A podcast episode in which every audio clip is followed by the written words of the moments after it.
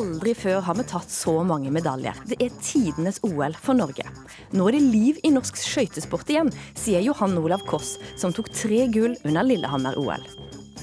Og Stortinget skulle bare pusse opp litt, men så balla det på seg. Regninga er nå på 2,3 milliarder kroner. Hvordan kunne det skje? Vi skal prøve å få svar i ukeslutt. Hva kaller du et geni i Sverige? En turist. Er det på tide å droppe svenskevitsene? Ei svensk mor i Norge mener barna hennes bør få slippe å lese om dumme svensker i Donald-blad og skoleoppgaver. Velkommen til ukeslutt her i NRK P1 og P2. Jeg heter Ann Kristin Listøl. Og som sagt, vi er i medaljerus. Det kommer så mye medaljer. 38 medaljer har vi nå. Selv om det ikke ble innertier på femmila.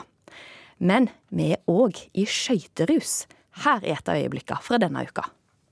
Skal han kunne klare det? 33, 34, 34, Ja! 40! 34-40! Han gjør det! Har du sett på maken? Har du sett for et skøyteløp? Det er det råeste jeg har sett noensinne. Det er et hundredel, altså! Et hundredel foran Sja! Og han går det samme som den personrekorden, setter ny olympisk rekord! Det er ikke mulig det han gjør der nå, Håvard Lorentzen! Nå kan det bare- brenne alt som er av skiutstyr. Dette er det største som har skjedd i OL. Har du sett på maken for et skøyteløp? Ja, hvis, dette her var da Håvard Holmefjord Lorentzen fra Fana IL, som òg går for Norge. Han tok rett og slett OL-gull på 500 meter og satte ny olympisk rekord. Og hvis du syns lyden var litt dårlig, så var det vel fordi NRKs kommentatorer gikk opp i fistel og rett og slett sprengte lyden. Men Lorentzen han ble òg den første bergenser til å vinne gull i et vinter-OL, og etter han har det blitt flere skøytemedaljer. Johan Olav Koss, tidligere skøyteløper. Du er med oss, du har stått opp på natta du nå. Du er med oss fra Toronto i Canada. Du blir liksom symbolet på vår forrige storhetstid, der du tok tre OL-gull på Lillehammer. Hva skjer i norsk skøytesport om dagen? Ja, det, er, eh, det er jo helt fantastisk hva som skjer. Eh, Det har jo det, det, Nå har ikke jeg sånn direkte oversikt over alt det detaljene som er jobber, men det er jo helt klart de jobber med veldig høy kvalitet og har trent fantastisk. Og det er flere som har kommet opp på et enda høyere nivå. De har jo både Sverre og Håvard Lorentzen er begge to fra Bergen og har jo gjort det fantastisk eh, i det OL som har vært. Og, eller nå, da. Og vi skal jo faktisk ha Sverre på isen i dag òg, så det er jo noe mer som kan skje, selv om eh, fellesstart er litt, eh, litt bingo, ser det ut som. I hvert fall fra jentene. Men eh, Ja, for det løpet pågår nå. det Og vi kan si at Sverre, altså, Sverre Lunde Pedersen han har tatt, eh, tok bronse på 5000 meter. Håvard Holmefjord Lorentzen gull, som vi hørte, men òg sølv på 1000 meter. Og så har skøytegutta jammen meg tatt et gull i lagtempo. Og det bringer oss over til deg, Hans Dankertsen, daglig leder i Fana idrettslag. Hvor har dere vært i alle disse åra der vi har hatt eh, tørke? Nei, altså for å si det sånn, det er jo ikke noe som kommet eh, Det er jo ikke kommet sånn umiddelbart at Vi bestemte oss for, for en måneds tid siden på dette. Vi bestemte oss for lenge siden. Og for å si det, den eh, tradisjonen som eh, Johan og de hadde med Hans Trygve og Svein Håvard Sletten, så det er jo en kontinuitet som har eh, foregått. Og så har vi satt sammen, holdt på å si, vi har vært heldige å få talenter. Vi har videreført en kultur eh, som har vært, blitt bra. Treningskultur. Jeg tror det var en periode det var litt slapt. Eh, og jeg tror eh, det at vi har fått gjort det på en skikkelig måte, og tok med oss den kulturen som Johan og de hadde, eh, og tok det med videre som Ådne og alle de sto for, det, det gjør det at vi har nå begynt å lykkes. Og, når noen bra, så, når noen gjør det bra, så blir det ofte feber. For eksempel, det ble sjakkfeber når Magnus Carlsen har gjort det bra i sjakk. Hvordan merker dere skøyteentusiasmen i Bergen, da? Nei, det, har jo tatt helt av. Eh, altså I forhold til det at eh, du, du går ikke gå på butikken uten at folk eh, kommer bort og sier at dette her var det råeste de hadde vært med på. De og de hadde noen planer om å gjøre helt andre ting disse ukene, men det har vært, nei, det har vært helt ellevilt, for å si det sånn. Og det, plutselig, det, Skøyteinteressen har jo lagt der. For det er jo en en enorm idrett med så mye spenning, så mye fart, så mye detaljer, så mye Det er jo hundredeler og tusendeler vi sitter og snakker om, og da, eh, så det har kokt over. Og det er, det er litt etter Egentlig så er det litt etter eh, bergensernes lynne. Det, det er action og styr. Og nettopp det. Det er mye som står på spill når det er OL, og det handler om medaljer. Og vi skal inn og, og snakke litt mer om dette mentale nå. Og da går jeg tilbake til deg, Koss. Og folk flest kjenner deg som Johan Olav Koss, men du bruker stort sett bare Johan. Så da sier jeg Johan Koss. Men skrur tida tilbake til Lillehammer-OL i 94. Du ender opp med å ta tre gull.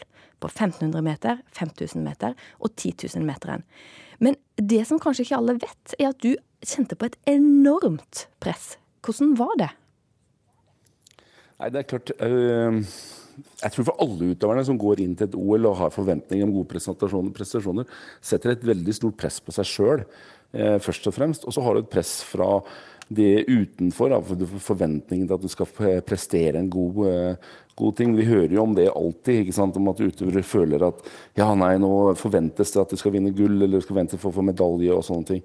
Og det presset er veldig hardt å ta med seg inn i en konkurranse. og det jobba vi veldig mye med da, for å på en måte redusere eller spre presset rundt på de andre utøverne. Men, men det er særlig noe du husker veldig godt, der du faktisk satt under ei trapp før et av løpa.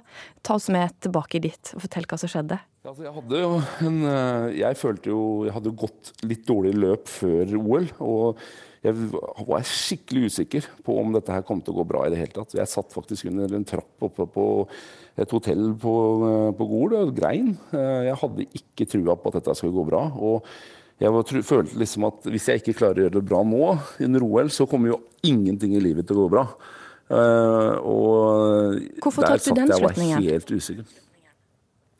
Jeg hadde brukt åtte timer om dagen eh, til å forberede meg i flere år, eh, hver eneste dag, for dette her som skulle skje. Og hvis jeg har brukt så mye energi på én ting, og ikke får det til, så føler du liksom at det er ikke noe annet i verden som kommer til å gå bra heller. Så det var liksom helt naturlig at jeg følte at hvis ikke dette her kommer til å gå bra, så jeg, da blir jeg bare en for evig taper, liksom. Og det, det var jeg fryktelig, fryktelig eh, redd for å bli. Du satt faktisk under trappa og, og gråt. Husker du hva det var du var så redd for? Bortsett fra å mislykkes, da, selvfølgelig. Men hva som skulle gå galt? Ja, altså var, det høres kanskje litt banalt ut i ettertid, men altså det, det blir at du føler liksom at det, ingenting i livet kommer til å gå bra, siden at du har gått, brukt så mye energi og, og fokus på dette her. Og så satt jeg og snakket med vår eh, psykolog, da, som, trent, eh, som vi trente sammen med. Så det er ikke bare det at vi skulle trene det fysiske, men vi skulle også få satt, satt, eh, det hodet på plass. Og hun sa til meg at ja, da, da får du gå og si fra til Hans Trygve at du ikke skal gå. først, ikke sant? Og så tenker jeg at ja, men det kan jeg jo ikke. Jeg må jo stille opp. Så velger, da hun setter meg i en posisjon der jeg velger at jeg må stille opp sjøl. Og så begynner vi å snakke om ja, men hva hvis du taper? Eh, hvis, hvis du kommer til å gå gærent, hva skjer så? Hva skjer på mandagen etter OL? Um, og jeg var i en posisjon der jeg drev og leste til medisin samtidig, og snakka om at eh, jeg skulle bli lege. Og da tenkte jeg at ja, ja, hvis du taper, kan, har det noe betydning for hvor god lege du blir? Eh, Så så på en måte la vi det fram eh, på den måten, snakket om det og sa at eh, ja, vel, det kan jo hende faktisk være at hvis du taper, så kan du bli god lege, for da kan du ha litt empati, og det er jo bra. Det er jo godt for leger å ha litt empati. Da kan du jo i hvert fall snakke med alle andre som har tapt, liksom. For det har de jo forståelse for. Så da ble vi liksom enige med at det ble en det er greit å tape litt da, for å bli en god lege. Um, og da fikk jeg en altså det, det vi jobba med da, var å få en aksept til at jeg ikke kunne vinne. For å si det sånn. At det ble på en måte en aksept å tape. Og hvis jeg ikke hadde fått til å få den aksepten til å feile, så hadde jeg antageligvis ikke vunnet. Sant? For det er jo det. Nå, får jeg faktisk forrysninger, for jeg husker, husker Lillehammer-OL godt. Og du tok jo gull. Ja, altså jeg var like overraska som alle andre, tror jeg. Veldig glad, da, i hvert fall. Eh, Jeg husker jo jeg gikk jo inn eh, i løpet mm, på 5000-meteren, som var dagen etter åpningsseremonien. og jeg hadde jo gått eh, 600 meter, og da gikk det eh, veldig bra. og Så skulle jeg finne rytmen, så plutselig så gikk eh, rundetida opp igjen nå. Um, eh, gikk den altfor høyt opp i forhold til det jeg hadde forventa. Så det var midt under løpet, og da skriker Hans Trygve Kristiansen til meg at dette var en god utgang, selv om jeg hadde gjort en relativt litt saktere runde enn jeg hadde forventa. Så tenker jeg jøss, det var en god utgang. Det må jeg jo gjøre enda bedre. Så klart, Vi klarte å forandre fokus på liksom at nå går det på dunken midt under løpet, til at det var en god utgang for å gjøre, jobbe, enda bedre med det som jeg gjorde bra. Og fikk rundetida ned igjen og, og sånne ting. Så det, det er utrolig viktig hvordan en kommuniserer med hverandre, spesielt når det står om eh, så små marginer. Og at det var utrolig betydningsfullt i det første løpet. For at det er lett å ta inn negative tanker underveis, og som, frykten, og som da på en måte bygger opp den frykten for å tape. Da. Og det, det, gjør jo at De negative tankene skaper jo en sånn overspenning som gjør at muskulaturen ikke får den automatiske bevegelsen som skal til for å, for å gjøre det, de bevegelsene og de tekniske øvelsene på det aller, aller beste. Hans Dankersen, du eh, har hørt på dette her nå. Har du fått noen tips til hvordan ta vare på medaljegutta når de kommer tilbake til deg? Ja, altså de, de, er jo, de, er jo, et lag da, som fungerer veldig bra. De har eh, backet hverandre, støttet hverandre, trenere og totalt lederbiten. Eh, det Vår jobb har jo vært å forberede de til å tåle dette her, og det har jo de tydeligvis gjort. Og eh, de har òg hatt en dratt nytte ut av seg det samlet, for de er tre stykker bortover. sånn Alle tre kommer tilbake med gull. Men det er klart at de har reist sammen, disse her. Det er født i 92 alle tre, og de har reist sammen på kretscuper, og de har reist sammen på norgesmesterskap på junior, og de har reist til Vikingskipet på Hamarlekene. De har reist til Vikingreis sammen. Så disse, det å reise til OL sammen har på en måte òg vært med å styrke de. Så den lagsbiten internt for Fana sammen med Og det gir jo òg en trygghet til resten av den lagbiten i, til de andre som var med til OL òg. For disse kjenner hverandre godt, og det er blitt en, en god stemning på det. Vi sier gratulerer til Fana, og til sånn sett hele Norge òg. Eh, Hans Dankertsen, daglig leder i Fana IL, takk for at du var med. Eh, Johan Koss, eh, takk for at du var med fra Toronto. Vi skal fortsette med OL. fordi at det er jo noen som kanskje vil påstå, de har iallfall gjort det, at OL har vært litt langt unna. Med øvelser midt på natta, med mye vind, mye kulde, og noen snakker om at det ikke har vært altfor eh, stort publikumsoppmøte heller. Og den som husker ekstra godt, husker kanskje at Tromsø 2018 lenge jobba for at eh, dette OL-et her skulle havne i Tromsø. Sånn gikk det ikke. Vi sendte aldri inn søknad, og det gjorde vi heller aldri for å arrangere et OL i 2022. Men hva med 2026, eller noe etter det? Kristin Vinje, du er Høyre-politiker, men du er òg visedekan eh, ved Det matematiske naturvitenskapelige fakultetet ved Universitetet i Oslo. Og du er mer overbevist enn noen gang om at vi bør arrangere OL. Hvorfor? Ja, jeg syns det er eh, flott å være med og arrangere OL. Det var jo en fantastisk opplevelse. Det var veldig hyggelig å høre igjen den sangen. Jeg sitter faktisk her på Lillehammer nå. Eh, alle har et veldig godt minne fra Lillehammer-OL, og Norge har så gode forutsetninger for å kunne arrangere OL på en måte som vi setter preg på. Og vi er jo en bitte liten spesiell nasjon som er en stormakt i vinteridrett.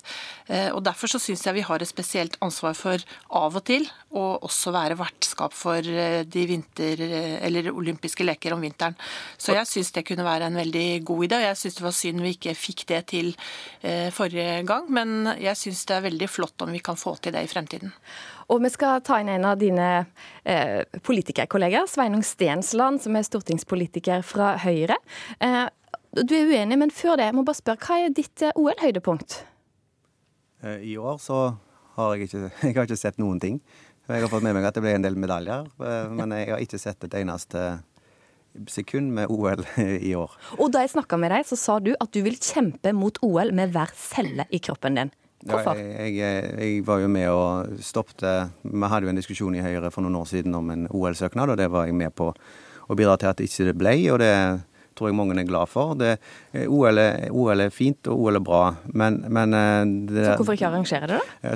Den forpliktelsen vi har til å arrangere OL, den skjønner jeg ikke helt. Vi har arrangert OL eh, to ganger. Vi har et naboland, Sverige, som har veldig lyst til å arrangere OL.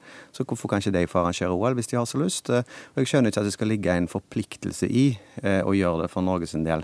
Og så har jeg litt problemer med den voldsomme kostnadsveksten innenfor hele idretten, egentlig. Men når du ser på OL, så er det jo De siste olympiadene har jo kosta tresifra milliardbeløp.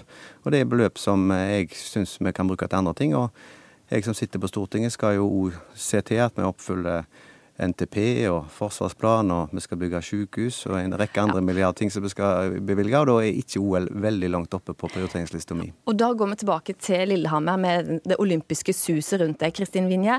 Det blir jo alltid så dyrt, svimlende mange milliarder, så hvorfor skal vi ta oss råd til det?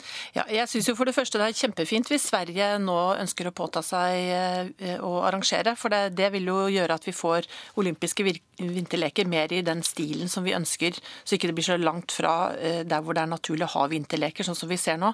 Så det er ikke det at jeg syns Norge nødvendigvis bør gjøre det nå, men jeg syns eh, at den debatten hvor vi liksom prinsipielt er imot å arrangere, mens vi samtidig går inn og deltar og tar med oss medaljer og er en kjempestor nasjon, jeg syns det blir litt feil. Så jeg syns ja, du syns det blir dobbeltmoralsk? For ja, det har du sagt. Jeg, I hvert fall syns jeg det er en slags dobbeltmoral i det å ta prinsipielt avstand fra alt som skjer med IOC og, og de olympiske leker, samtidig som vi er med på alle øvelsene og er en stor nasjon. Så jeg syns liksom det henger ikke helt på greip. Men, eh, og det å være prinsipielt motstander av å arrangere, samtidig som vi gjerne vil være med og er en av de største nasjonene, det syns jeg blir litt rart. Eh, og det er mange, det er fantastiske muligheter til å påvirke OL hvis vi arrangerer selv. Eh, IOC har forandret seg. Det har vært masse kritikk, og veldig velbegrunnet kritikk, men det har forandret seg de siste årene. Det er mye mer fokus nå på å lage arrangementer som sørger for at det blir gjenbruk, som sørger for å gå i dialog med arrangørene, sånn at det lages anlegg som kan gjenbrukes, og som er til nytte i, den, i det landet hvor, hvor øvelsene foregår. Ja, Stensland, altså fra et folkehelseperspektiv, for du er jo faktisk helsepolitiker. Eh, hva med folkehelsa? Ja, Vi kan gjerne bruke penger på idrett som et folkehelsetiltak, men da er det jo bredd, breddeidrett og friluftsliv jeg ville prioritert. Jeg, men ta f.eks. nå, da, når du ser at eh, ok, skøytefolka gjør det veldig bra, og så plutselig vil mange små barn begynne å gå på skøyter, og så får, blir de motivert til å gå på idrett, eh, drive med idrett. Altså, kan det ha sånne effekter? Ja, det kan visst har det det. Det har det jo. Vi har jo nettopp hatt et OL, og vi har et OL akkurat nå, og de blir motivert av det òg. Men, men, det, som, det med dobbeltmoral og prinsipiell motstand mot OL Jeg har ikke noe prinsipiell motstand mot OL i det hele tatt. Og det er ikke noe dobbeltmoral i å si at vi skal ikke prioritere det, sånn som OL har blitt. Eh, jeg er enig med Kristin Vinje at vi bør være med å påvirke så det blir mer nøkternt. Det bør egentlig hele idretts... Eh, de som er pampene, som de kaller det i idretten, bør tone seg litt ned. For idrett handler for meg om dugnad, om bredden, om barn som er i aktivitet, og folk som har glede av å bevege seg gjennom et langt liv. Og det er masse bra med idretten, så dette handler ikke om det. Så jeg blir litt sånn forundra over at det skal være dobbeltmoralsk å ta, ta, ta til motmæle mot et OL i Norge. Olympiske leker er et er blitt altfor stort, og det må tones kraftig ned og gå tilbake til det det var. Jeg Svar på det med dobbeltmoralen, Vinje. Ja, jeg mener jo at eh, måten å påvirke OL på er jo å være med og arrangere. og Jeg skulle ønske Sveinung Stensland f.eks. tok seg en tur opp til Nordberg, hvor Lyn nå har fått to superhelter.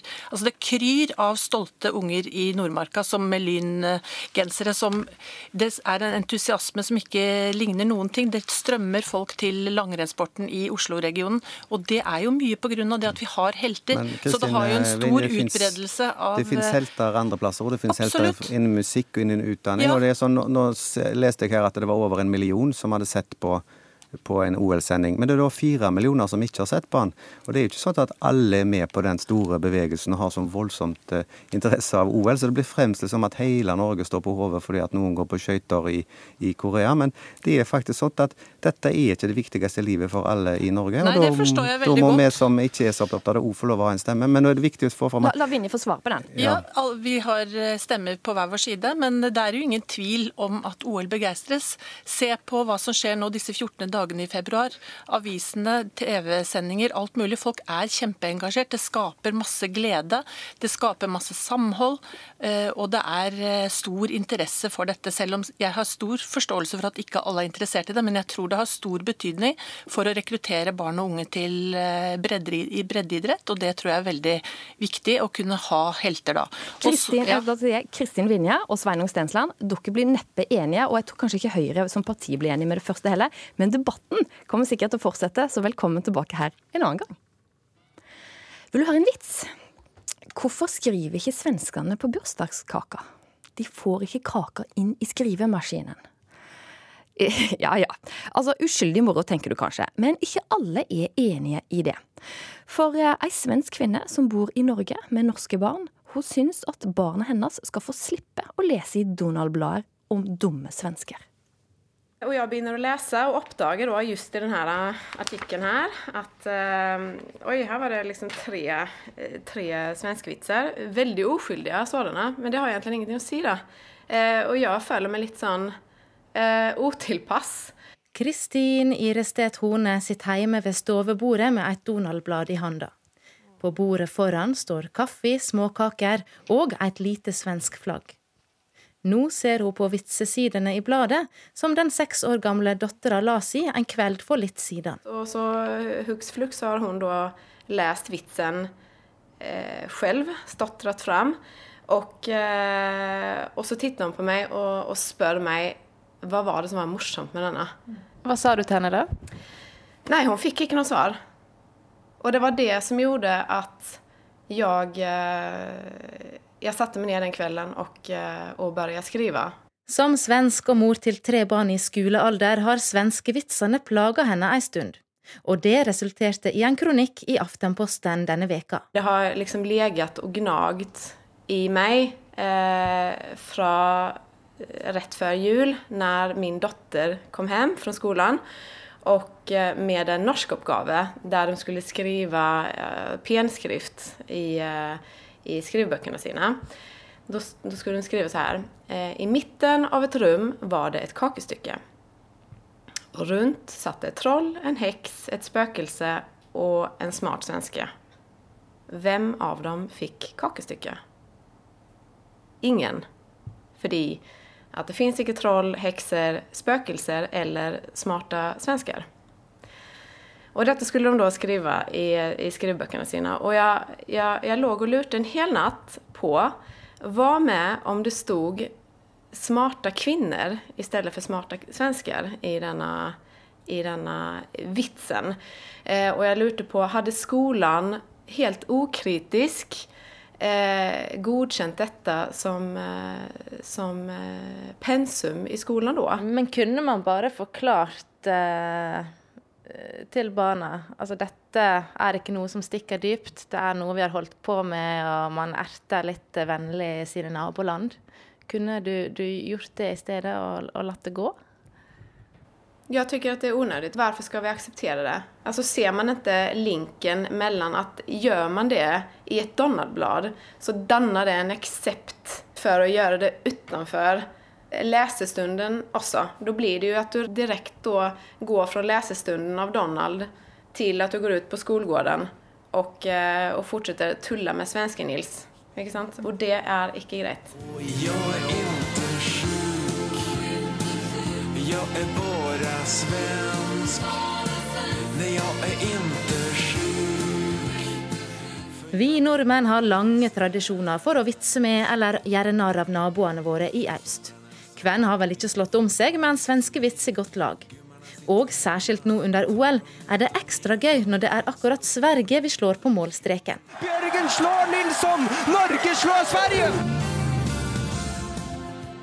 Men er denne småertinga en såpass god tradisjon at vi skal lære opp barna våre i den? Velkommen til Latter. Her kommer folk inn når de skal på show, så får de en drink i baren. Her er det veldig fullt på fredager. Og... Jonas Døme er komiker og bør vite hva som er god humor, også for barn. Så bør vi beholde svenskevitsen? Jeg syns man kan droppe det. I hvert fall i skoleoppgaver, og kanskje i Donald-blader også, fordi det er så mange svenske barn, i, eller barn med svenske foreldre, som uh, selvfølgelig ikke skjønner hvorfor de som lager blader og skoleoppgaver og voksne insisterer på at svensker er dummere enn nordmenn. Så jeg, man, jeg tror man klarer seg fint uten. Ja, har svenskevitsen gått ut på dato? Eh, jeg har vel egentlig aldri Altså, jeg, jeg, tror grunnen til at barn Vi fortalte svenskevitser da vi var små, og det syns vi var kjempegøy. Det er fordi barn syns det er veldig gøy å forstå noe. Og det er akkurat som voksne liker også å forstå noe, så derfor ler man av en vits man har forstått, for man har løst en kode. Men svenskevitsen i seg selv er jo egentlig ikke veldig morsom. Svenskevitsen nå, som den er nå, så er premisset feil. At svensken er dum, og det er han ikke. Ikke akkurat det beste utgangspunktet for en standup, men Støme let seg overtale til å teste svenske vitser på de svenske medarbeiderne på Latter. Du, kan, kan jeg prøve å fortelle to svenske vitser, og så bare sjekke om dere syns dette er gøy? Eh, Jeg skal bare høre. OK. Jeg er intelligent. Inte jeg heller. Nei, det ikke jeg. Eh, hva kaller du et geni i Sverige? En turist. Det var litt rolig. Ja, det var noen som syntes det var gøy. Ja, du får ikke braklatter på det. Så. Er det, på, er det på tide å droppe svenskevitsen? Før vi tar livet av svenskevitsen helt, svinger vi innom en som har opplevd å få slengt dem mot seg som barn. Jeg heter Stefan Eggelund, sitter på Stortinget for Høyre, har svensk mor og norsk far. Og hva er ditt forhold til svenskvitser? Jeg syns en del av dem er litt morsomme, ja. Men det er jo bare sånn. Nei, jeg hadde jo Jeg hørte, har jo hørt mye svenskvitser i livet mitt, og spesielt kanskje på barneskolen. Det var der jeg hørte mest svenskvitser. Jeg ble litt lei av det av og til, men da, moren min sa alltid og det er ikke noe rart, for nordmenn har et veldig mindreverdighetskompleks overfor svensker. Mm. Så du fikk det forklart, eh, og da levde du greit med det? Ja, jeg gjorde det, altså. Men, men hva med f.eks. det å ha det En ting er å, å, å, fortelle at man møter det i skolegården av andre, men det at man skal ha det f.eks. i Donald-blader eller i skoleoppgaver. Eh, Syns du det er greit? Jeg gjør egentlig det, altså. Ja, Så du er ikke bekymra for barn som møter f.eks. svenske vitser eh, i skolegården? Jeg tror de kommer til å klare seg bra. Eh, noen av dem kan det også hende bli stortingsrepresentant. du, dette er eh, blomster fra to, to store beundrere. Tilbake hos Kristin Irestedt Horne ser vi beviset på at kronikken har vakt stort engasjement. Eh, til den publiserte artikkelforfatteren. Hilsen to store beundrere. Og hun tåler litt naborivalisering. Det handler ikke om å förbjuda svenskvitser, men hører det hjemme i et Donald-blad? Nei. Det mener jeg at det ikke gjør. Verken Egmont eller redaktør i Donald, Marius Molaug, ønsker å stille til intervju i ukeslutt. Men Molaug skriver i et svar at Vitsene er først og fremst kjærlig ment, basert på en vennligsinnet rivalisering. Samtidig tar vi selvsagt innspillet ditt på alvor. Donald-bladet skal være en irritasjonsfri paustepause i hverdagen. En trygg havn fritt for innhold som kan virke støtende. Vi skal helt klart se nærmere på denne vitsebruken i de kommende bladene våre. Reporter i denne saken her, det var Andrea Kvammehagen. Gjør det selv-boka på Maxbo tror jeg ville vært et uh, godt tips. Stortingspresident Olemic Thommessen skylder på Multiconsult. Multiconsult skylder på stortingspresidenten. Hva har egentlig skjedd i Stortingets byggeprosjekt? Og er yoga trening eller religion? Og foregår det ei snikyogafisering av landet? Bli med videre i Ukeslutt og hør mer om det.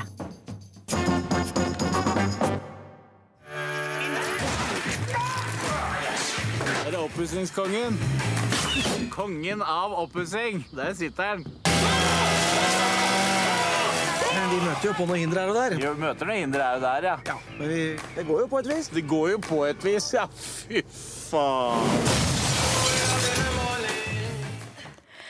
Oppussing som ikke går helt som planlagt, er tema i eh, den nye versjonen av filmklassikeren 'Norske byggeklosser', som har hatt premiere denne uka.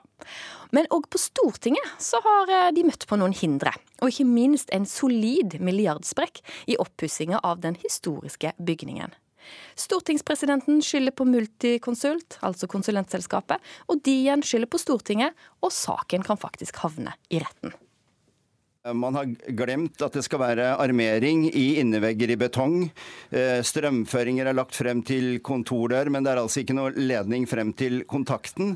Altså, det er en uendelig rekke av ting som for oss som er vanlig praktiske folk, er helt ubegripelig at har vært uh, uteglemt. Uh, og som, som, jeg bare, hva skal jeg si, gjør det selv-boka på Maxbo tror jeg ville vært et godt tips før man hadde gjennomgått dette her. Stortingspresident Olemic Thommessen var ikke nådig da han møtte Multiconsult til debatt, etter at det kom fram at kostnadssprekken var kommet opp i hele 1,2 milliarder kroner. Han kunne kanskje ønsket seg en rik nabo, slik oppusserne i filmen 'Norske byggeklosser' har. Pusse opp? Skal dere pusse opp? Ja, vi vurderer i hvert fall. Noe må nå bruke alle penga på, si. Jeg har jo litt av det, da. Penger. Stortingsdirektøren har allerede gått som følge av skandalen. Flere mener Thommessen bør følge etter. Regninga på 2,3 milliarder så langt er det uansett vi skattebetalere som må ta. 2,3 milliarder er jo så, er så mye penger, så det er vanskelig liksom å få begrepet og skjønne hvor mye det er. Eh, Men det er så mye som 800 leiligheter er det du heller kunne fått istedenfor en ja, kanskje den verdens dyreste tunnel og det dyreste postrommet som noen gang er bygget. Så, så dyrt er det. Anders Langtien fra Privatmegleren har spesialisert seg på å selge bygårder i hovedstaden. Bak ham står store gjerder som skjuler all byggeaktiviteten på Stortinget.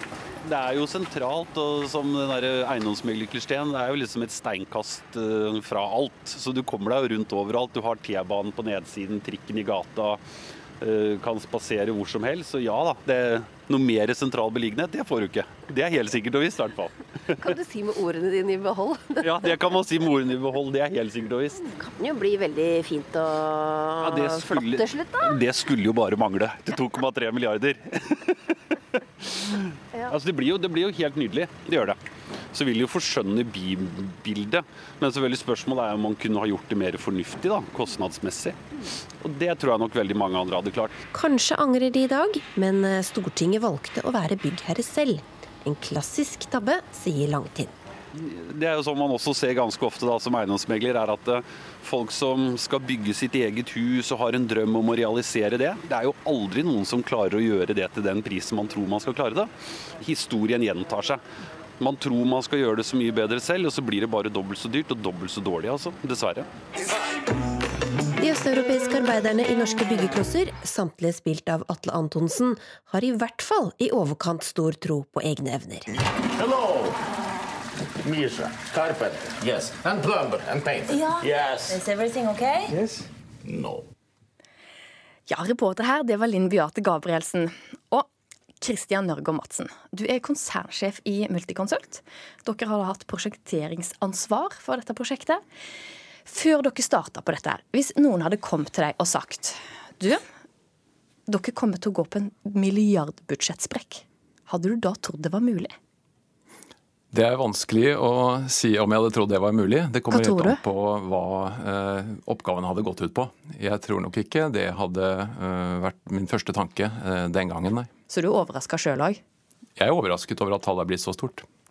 Som vi hørte i innslaget. eh, Stortingspresident Olemic Thommessen han har sagt altså, det er glemt armering i innervegger i betongen. Det er lagt strømføring fram til kontordør, men ikke ledning fram til kontakten.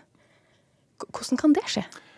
Du vet at uh, denne oppussingsboka som Thommessen eh, nevner uh, den Ja, er veldig- Gjør det selv-boka på Maxbo. Den er veldig fin hvis man skal pusse opp, og det var jo der det startet i 2011. Det startet med tall på langt under 100 millioner og en oppussing. Så brukte jo Stortinget et par år på å finne ut at det skulle være noe annet enn oppussing. Så da vi ble engasjert til å prosjektere dette, altså tegne det inn i 3D-modeller i 2013, så eh, begynte man med det, og det var tidskritisk, for det skulle være ferdig til 2017. Så da begynte vi å prosjektere ut fra det som forelå, det var stort sett ingenting. Og Dermed konkluderte byggherren allerede da med at man måtte ta avregning og justeringer underveis i et stort rehabiliteringsprosjekt midt i byen. Det er jo det som er hovedforklaringen. Og Det er ikke vi som trekker kablene, det er vi som eh, dimensjonerer og tegner ut hvordan ting skal være. Ja, men sant, Du tegner ut, men du vet da hvor lang den kabelen skal være? Ja. Og hvorfor bomma dere? Hvis eh, du vet hvordan rommet er eh, før du tegner det, så vet du det.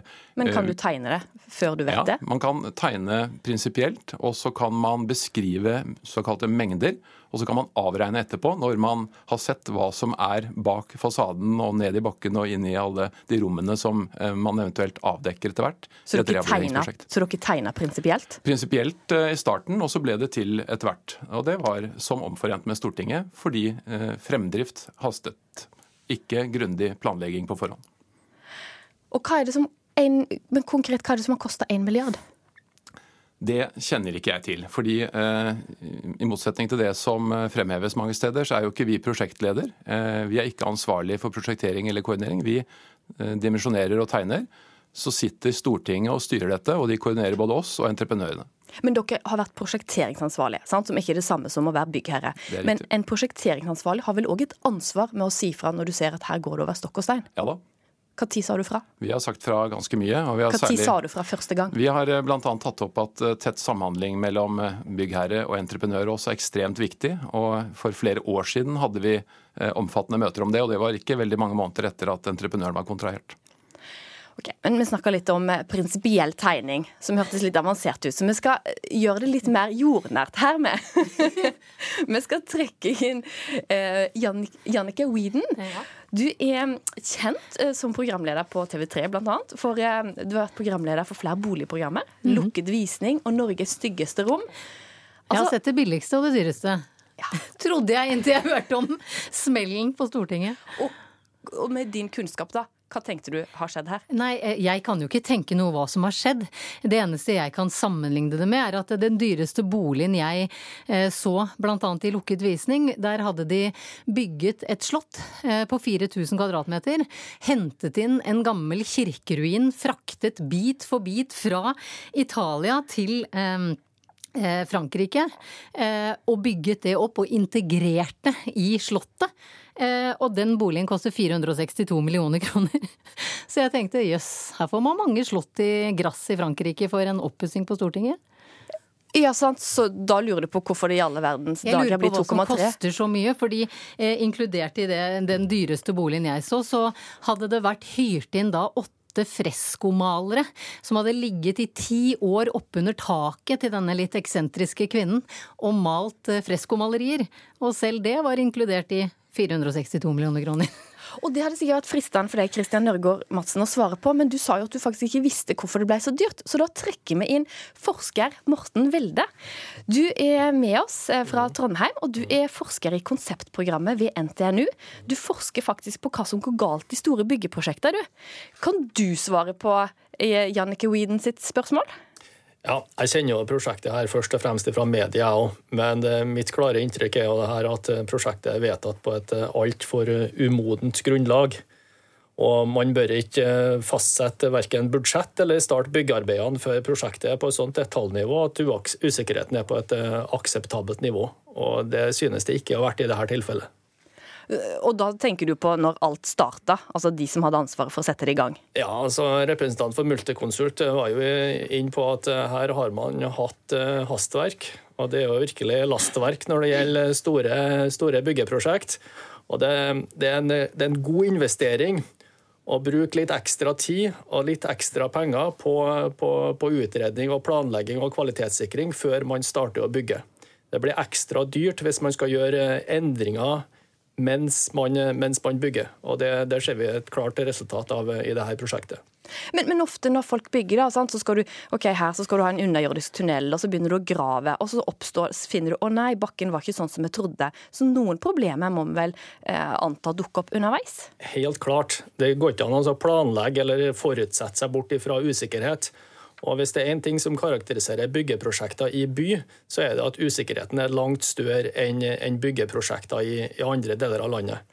Her har du masse infrastruktur i grunn, du har mulige arkeologiske funn, du har interessenter som skal opprettholde normal virksomhet i byggeperioden, du har trafikk, du har sikkerhet osv. osv. Altså, dette er et prosjekt hvor alle varsellamper burde ha lysa før man satte i gang å bygge.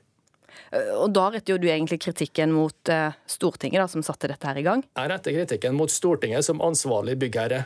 De kan skylde så mye de vil på Multiconsult som rådgivende ingeniør, men når alt kommer til alt, så den som er ansvarlig for det her, det er Stortinget. Og da kan vi si at eh, vi har vært i kontakt med stortingspresidenten, og eh, de hadde ikke anledning til å komme i studio i dag. Eh, vi har òg eh, vært i kontakt med avgått direktør ved Stortinget, Ida Børresen, eh, som ikke hadde anledning, men eh, som hun sier, at selv om de har ansvaret Eh, det er Stortinget som er byggherre og ansvar. Men eh, som hun sier, det fratar ikke Multiconsult ansvaret for å prosjektere riktig. Tegne og regne riktig, som ikke er gjort. Og det er det bl.a. rettssaken dreier seg om. Konkrete feil i prosjekteringa. Og Madsen da, fra Multiconsult. Hva konkret er det dere har regna feil? Vi har ikke konstatert vi at vi har regnet noe feil ennå. Eh, rettssaken er ikke engang berammet. Vi holder på å lage tilsvaret. Det som er interessant, er at jeg konstaterer at ledere fra høyeste eh, institusjon i Norge eh, konstaterer eh, allerede at, at, han har, og, har svaret. Det er overraskende. Det trodde jeg det var domstolene som skulle gjøre.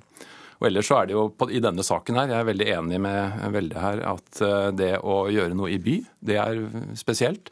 Og siden jeg ble sitert på at jeg ikke visste svaret, så har jeg veldig mange delsvar til hvorfor det ble så dyrt. Og det er jo fordi man valgte jo trinnvis å eh, øke prosjektets omfang og kompleksitet. Det begynte jo med en rehabilitering. Det ble et nybyggprosjekt, men med verneverdig fasade. Bare det å få stabilisert den verneverdige fasaden er et kjempeprosjekt i seg selv. Ehm, så så man at kostnadene ble høye. Allikevel valgte da byggherren å eh, øke prosjektomfanget til dette post- og varemottaket, og så den 260 meter lange kulverten eh, som skal tre seg mellom eh, T-banestasjoner og fjernvarmerør og alt som er.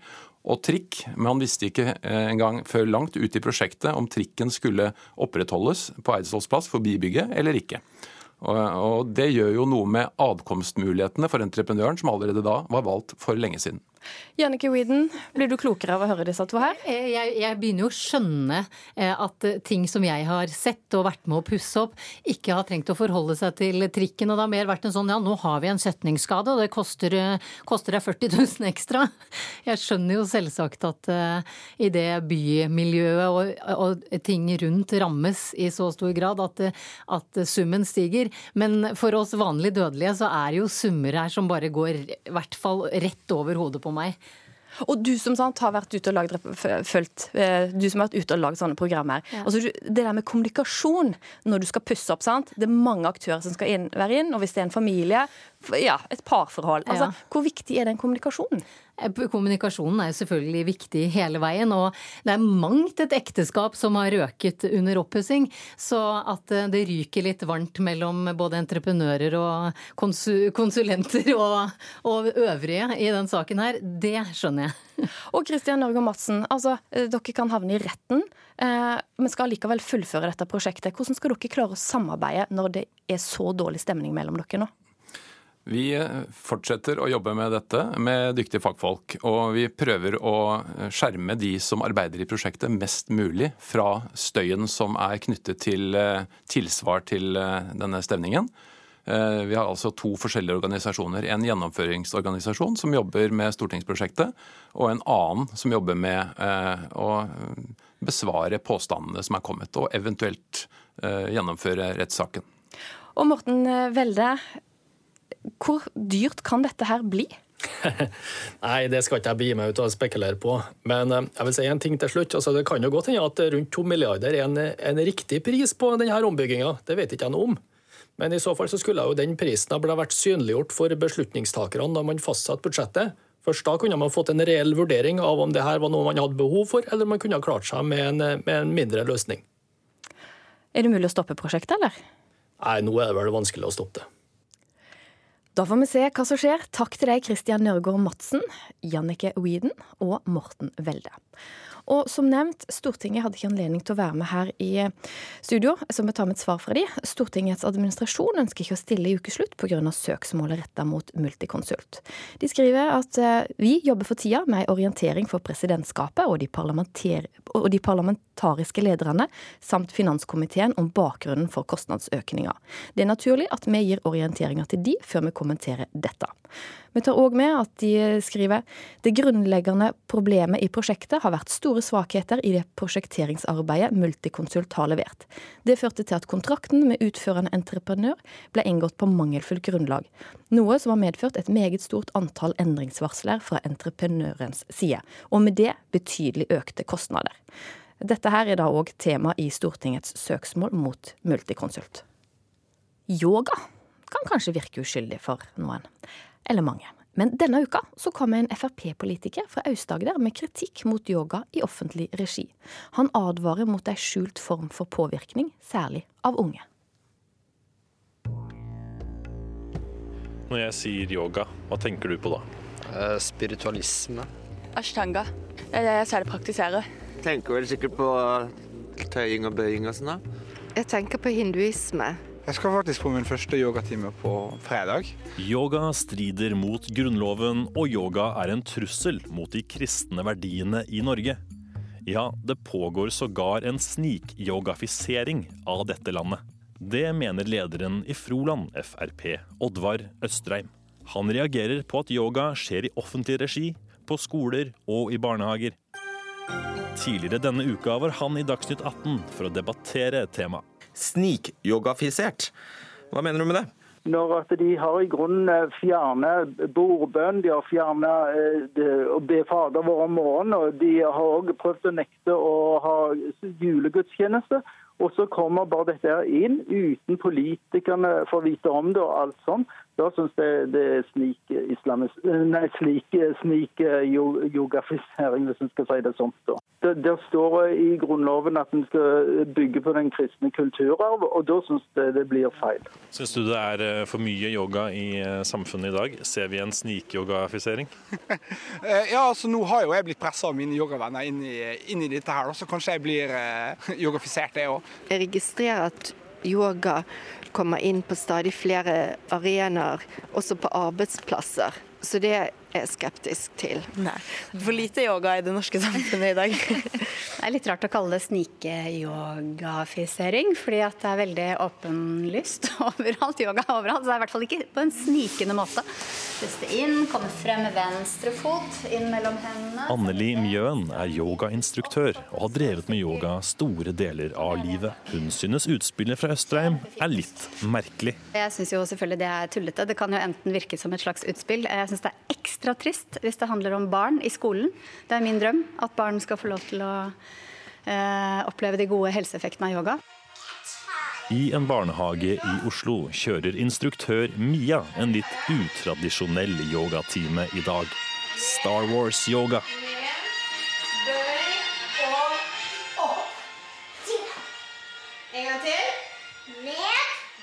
Bo og Bjørnstjerne liker å ha yoga. Det er gøy, um, og så er det litt vanskelig, da. Fordi man må strekke seg veldig masse og bøye seg. Namaste. Uh, vi har yoga fordi det står i rammeplanen at vi skal ha hvilestund. Det er en veldig fin måte å prøve å finne roen på. Samtidig som barna syns det er kjempegøy. Eh, og så bruker vi kroppen på litt annen måte enn det de gjør når de er ute og leker. På Dagsnytt 18 snakket de også om yogaens opprinnelse. Tolker du yoga som noe hinduistisk? Ja, det er helt klart hinduistisk inspirert. Når de snakker om indre reiser og åndelighet i dette, her, da mener jeg at det har med åndelighet å gjøre, og, og, religiøsitet. Da ønsker jeg heller å ta meg en reise med bilen istedenfor en indre reise, tross alt. Hm, hinduisme. Hva tenker egentlig Ola og Kari, eller Dipak og Priya, nordmann, om dette? Er yoga en religiøs greie? Nei, det tror jeg ikke. Jeg tror folk bruker det mer som en avslapningsmetode i en stressende hverdag. Jeg lærer om hinduisme, og yoga er veldig relevant i mange grener i hinduismen. Neste gang du kommer opp i hunden, så kan du stå her litt gjennom bøye og gå litt. Hvis man skal snakke om noe filosofi eller eh, opphav i de gamle skrifter som er hinduistisk, eh, så har det ingenting, vil jeg si, eller minimalt, da, med den moderne yogaen som vi praktiserer i dag. Men hvordan virker egentlig Annelis yogatimer inn på deltakerne, sånn på et spirituelt nivå? Har du merka at du har blitt liksom mer åpen for østlig religion, hinduisme, buddhisme, siden du starta med, med yoga? Nei. Nei, ikke i det hele tatt. Jeg har ingen religion selv, og er ikke trukket mot religion på noen måte. Jeg er trukket mot å redusere stress og bli sterk og smidig. Så du tror ikke at yoga er en, en trussel mot kristne norske verdier? Er det lov å le? Nei, det tror jeg ikke. Anneli har en kur til politikere og andre som måtte lide av yogafrykt. Jeg inviterer han, jeg utfordrer han faktisk her og nå til å dukke opp hvis han er i Oslo på en av mine yogatimer. Eller han kan få en privattime gratis. Eller enda bedre, han kan invitere meg til et svært politisk møte, landsmøte eller noe, så kan jeg holde yoga for alle sammen. Nei, jeg ville aldri prøve å eksperimentere med sånne ting som yoga.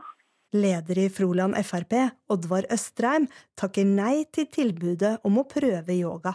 Jeg syns det er veldig viktig folk leser seg opp på hva yoga betyr først. Du har fått mye oppmerksomhet for dette utspillet om yoga. Og flere har sett på det som litt humoristisk. Hvordan synes du det har vært? Ja, det har vært begge deler. Folk, folk, har jo veldig forskjellige meninger om det, men jeg tror kanskje flertallet ikke har helt greie på hva yoga går ut på. Er det sånn at du angrer på utspillet, eller står du fast ved dine meninger Nei, jeg, jeg står fast på meningene og sånt. Reporter her, det var Andreas Hagen Håkonsen og Kari Li. Og statsmeteorolog Bente Wahl har kommet i studio. Og i Nord-Norge kan de bli litt fornøyde med været nå? Ja, det er mange som har veldig bra vær der også, men det er fortsatt litt snø på Helgeland og noen få snøbyger da i Øst-Finnmark. Men i morgen så gir nedbøren seg også på Helgeland, og da blir det fint vær i hele Nord-Norge. Selv om Øst-Finnmark fortsatt kan regne med noen spredte byger. Og så vil det blåse sørøst liten kuling utsatte steder. På Spitsbergen der øh, blåser det sørlig kuling. I morgen øker det på til sterk kuling og kan bli liten storm i nord. Holder seg oppholdsvær til litt utpå ettermiddagen i morgen. Da kommer det inn snø og sludd, og temperaturen kryper over null. Eh, Nedbøren på Helgeland den drar seg sørover med Trøndelag i kveld, og det blir snø der i kveld og i morgen, men så drar det seg videre sørover, og utpå ettermiddagen i morgen blir det ganske bra igjen i Nord-Trøndelag. På Vestlandet stort sett oppholdsvær i dag, ganske fint i noen av de indre strøkene, men i morgen så kommer det litt snø, først i Møre og Romsdal og Sogn og Fjordane. Utpå ettermiddagen også i Hordaland og indre strøkene nord for Boknafjorden. Sør- og sørøstvind også her. Østafjells er det nå stort sett oppholdsvær, noen snøfnugg her og der, men det vil nok komme litt mer snø i kveld. Og i morgen så får nok mange skyer med litt snø av og til. Mest nedbør blir det nord for Lillehammer. Men det kan også sprekke opp og bli ganske fint eh, utpå dagen øst for Oslo og Mjøsa. Kanskje også i ytre strøk sørover til Agder. Og litt snø må man regne med også i fjellet i morgen, men ellers lite vind. Kari Li har vært ansvarlig for denne sendinga. Teknisk ansvarlig Hilde Tosterud. Jeg heter Ann Kristin Listøl, og vi i Ukesluttredaksjonen sier riktig god helg.